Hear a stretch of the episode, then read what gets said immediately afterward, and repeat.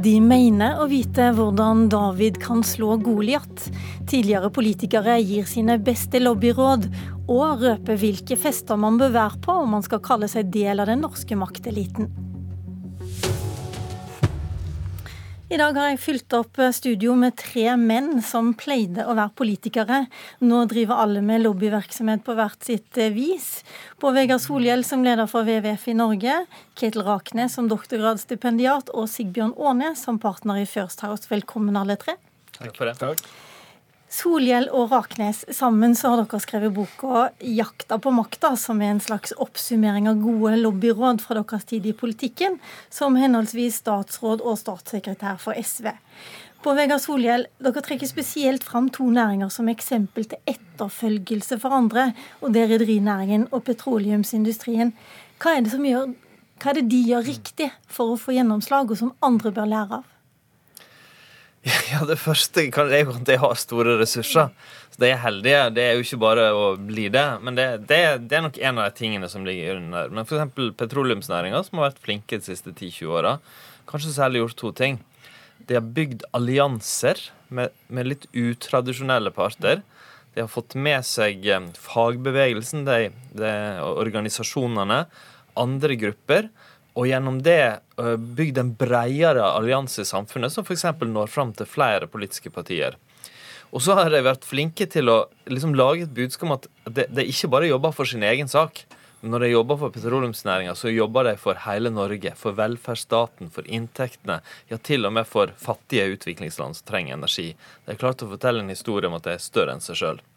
Så skal det sies at vi har mye ressurser, og hvis du hadde spurt hvem er best i forhold til hvor mye ressurser de har, så vil jeg kanskje trekke fram helt andre. De som noen få hundre mennesker som kjempa for å beholde pleiepenger i fjor høst. De som vant kampen for å bevare Lofoten. De med små ressurser som med veldig stor dyktighet og gode argumenter klarer å vinne fram. For det her, boka er jo litt fortellinga om det. Hvordan kan David slå Goliat? Men hvis du vet hvordan David skal slå Goliat, burde du kanskje sittet i regjering og ikke sittet her nå. ja, nå, tapte jo den sida jeg var på valget, da, så det er veldig naturlige grunner til at jeg eh, er der. Men altså, siden vi har First House representert, så litt sånn av kjerneideen her, det er jo at vi tenkte det at liksom for eh, prisen av ti minutter med First House, så skal vi gi alle våre beste råd og tips fra mange år i politikken og kanskje egentlig gi et bidrag til at de som ikke har så store økonomiske ressurser, men gode argumenter og viktige saker, kan få eh, redskapene til å vinne gjennom. Sigbjørn Aanes, hvorfor skal folk betale deg tusenvis av kroner for å få de rådene som nå står i ei bok? Du er blitt eh, partner i First House og var tidligere nærmeste medarbeider for eh, Erna Solberg som statssekretær på statsministerens kontor. Ja, altså, først og fremst tror jeg det er veldig bra at det skrives sånne bøker, og, og at flest mulig leser de, og det, det er et godt salgstriks at, at eh, kostnaden på boka er, er, er, en liten del av det det koster å kjøpe før Så det er vel en måte å tjene penger på for, for Bård Vegar og Ketil etter de gikk ut av, av regjering for SV, så er de blitt, eh, så de blitt flinke på, på jobb for å tjene penger. Nei, altså Først og fremst så, så tror jeg det er viktig at vi, vi, både har sånne bøker, folk leser sånne bøker, for det at jo flere som, som på en måte setter seg inn i, i hvordan, eh, hvordan, politikken fungerer, jo, jo bedre er det. Det styrker bare vårt vårt, vårt demokrati. Eh, det, det, vi opplever, er f.eks. du har internasjonale kunder som, som kommer til Norge, og som, som, ikke er vant med den norske konteksten, det norske samfunnet. Eh, det er, en, det er en viktig del. Men så har du også et næringsliv som, som har helt andre beslutningsprosesser, eh, helt andre kulturer enn enn politikken. Og, og det, det, jeg av og til opplever, at blant politikere og journalister så, så, så, så, tror vi at det er så rett fram og enkelt å forstå disse beslutningsprosessene vi har i politikken, men, men det boka også viser, er jo at det er mye mer komplisert. Og, og du skal ikke til næringslivet. Det har jeg opplevd også innad i politikken at man sliter med å forstå disse prosessene. Og når okay, kom inn, så... La meg, la meg bare få spørre deg, Kittel Raknes. Dere eh, dere skiljer jo også mellom eh, organisasjoner med veldig mye ressurser. Mm. Dere trekker f.eks. fram at NHO er blitt en god lobbyorganisasjon, mens LO de mangler mye. Forklar.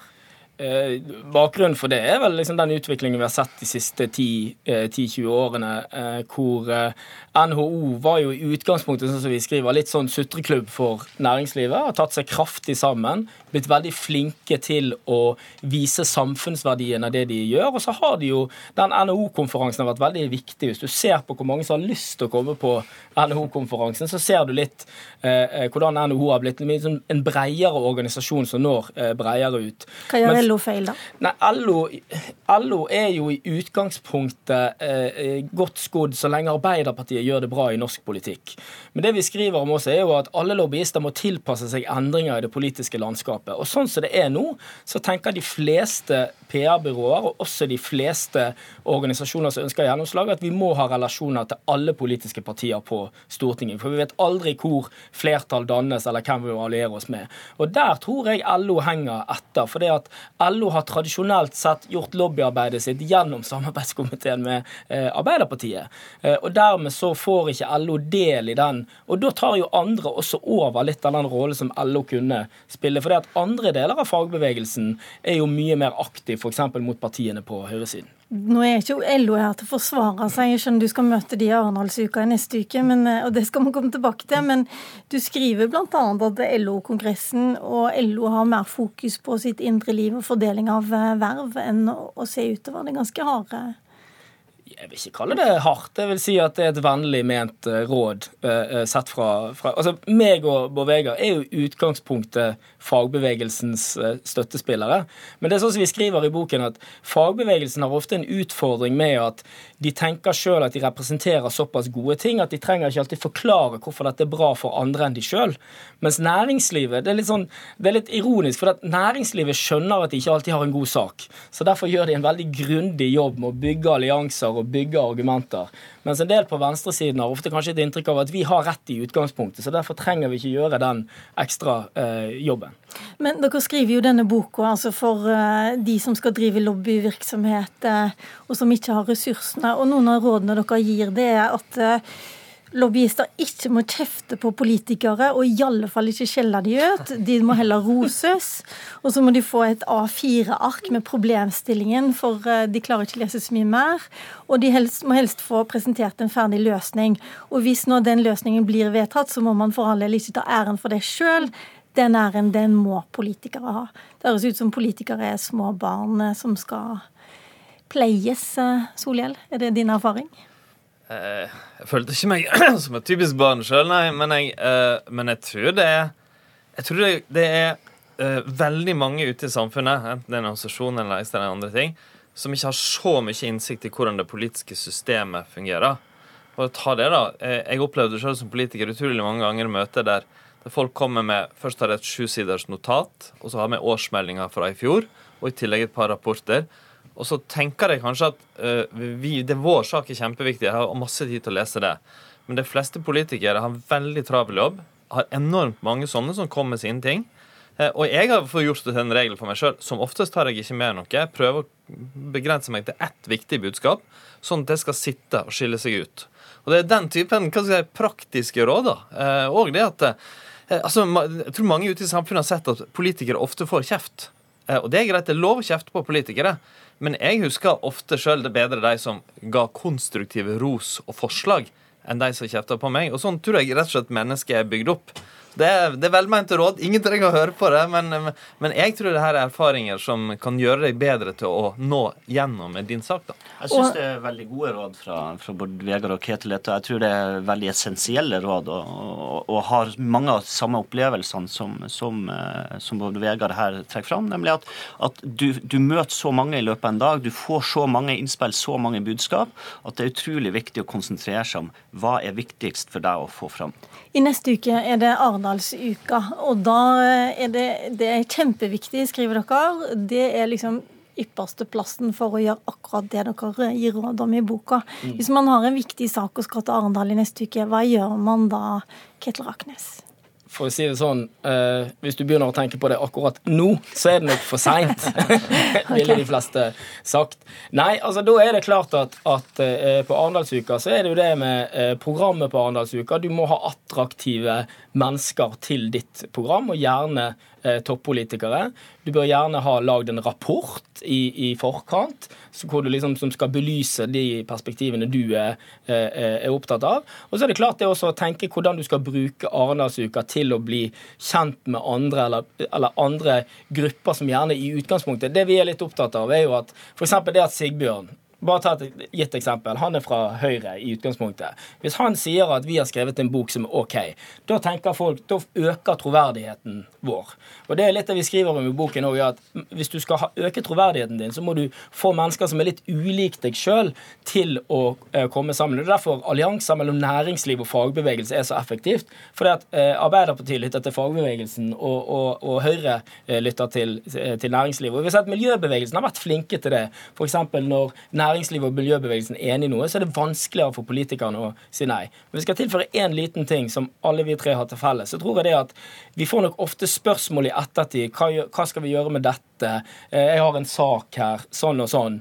Eh, og at det er et forsøk for oss å svare litt på de tingene at de tingene som ofte vi som har jobbet med politikk, tar for gitt, da, mm. eh, de er, har vi kanskje ikke vært flinke nok til å formulere for Eh, for andre. Og når vi sier at ting er vanskelig, så skjønner de ikke alltid hva vi mener. La oss se litt på rollene dere har nå. F.eks. Ja. du, Sigbjørn Aanes. I dag skriver du en kronikk i Aftenposten om at Jonas Gahr Støres eneste sjanse til å bli statsminister kan være denne høsten. Og hva mener du med det, og hvorfor skriver du den nå når du er lobbyist og ikke lenger statssekretær for Erna Solberg? Nei, det, handler først og fremst om at jeg er politisk interessert. Jeg kommer til å fortsette å skrive politiske analyser. og analysen er ganske enkelt. Hvis du ser øyeblikksbildet, så kan det se krevende ut for Arbeiderpartiet i 2019. De kan være store byer og kommuner, og om man vil eller ikke, så vil det kunne oppstå en ny lederdebatt. Eh, og den beste måten å unngå at det skjer på, er gjennom å forsøke å ta makt til høsten. Så det, det er rett og slett bare sånn jeg har resonnert meg frem til. Så Det du sier at det er størres mulighet egentlig nå i høst? Ja, altså han, han, risikerer jo dersom eh, urolighetene internt i Arbeiderpartiet fortsetter og det blir et dårlig kommunevalg, så risikerer risikerer han også at neste høst vil handle om interne problemer i Arbeiderpartiet heller enn eh, en hvordan de skal vinne makt. Men du passer på å advare mot at det skjer likevel? Altså, jeg, Det er jo ikke noe tvil om hvor jeg kommer fra. Jeg er Høyre-mann. Eh, I likhet med at de to andre SV-ere, så, så, så, håper jo jeg Erna Solberg kommer til å, til å være statsminister også fremover. La meg spørre høyskolelektoren Raknes her. Som forsker. Som forsker og SV, gammel SV-politiker. Ja, ja. Man kan bli litt forvirra på hvem som snakker? Ja, og det er jo uh, Vi har ikke skrevet så mye om det i boken, men i, i, i lobbyforskningen så er jo dette noe man er stadig mer opptatt av. er jo at det er helt fint at interesseorganisasjoner og andre bemanner opp og har store kommunikasjonsavdelinger og, og, og, sånne ting. Men det er klart at for journalister og politikere så er ikke alltid dette så enkelt når ressursene på den andre siden eh, øker. Fordi at de fleste lobbyister har jo en veldig tydelig eh, agenda. Og politikere skal jo ta beslutninger som, som gagner fellesskapet. Og det samme er jo journalister skal på en eller annen måte representere en slags eh, balansert eh, eh, sannhet. Og det ser jeg jo veldig ofte når jeg leser aviser, så ser jeg jo at dette er en interesseorganisasjon som har fått solgt fram sitt perspektiv. Og det gjelder jo begge sider. Eh, at du ser at her har journalisten på en måte bare kjøpt den pakken eh, eh, man, har, man i utgangspunktet har fått. La meg spørre deg, Johannes, er det noen som har betalt deg nei, nei. for den? Absolutt ikke. Kan Arbeiderpartiet betale deg for å jobbe for de nå?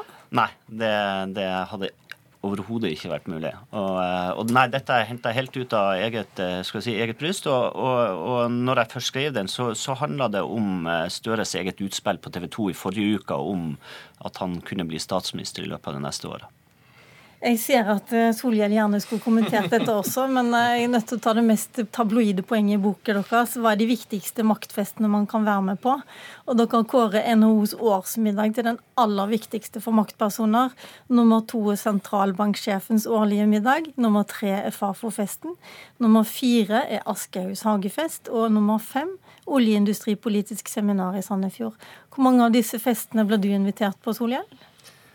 Um, jeg har vel vært på alle de fire første, men uh, må jo innrømme at samfunnet er organisert sånn at man har litt mer makt når man er statsråd enn når man er generalsekretær i WWF. Så noen blir det enda, men ikke alle. Er det viktig å være på disse festene, Raknes? Veldig Nei, kort. Vi, vi bruker det som en illustrasjon på hvordan nettverk og makt henger sammen eh, og hvordan disse festene har flere funksjoner, nemlig det å, å bli kjent med andre og dyrke eh, maktnettverk. da. Vi får ønske lykke til til makteliten på festene, og vi andre får kose oss andre steder. Mitt navn er Lilla Sølhusvik. Hjertelig takk til dere tre.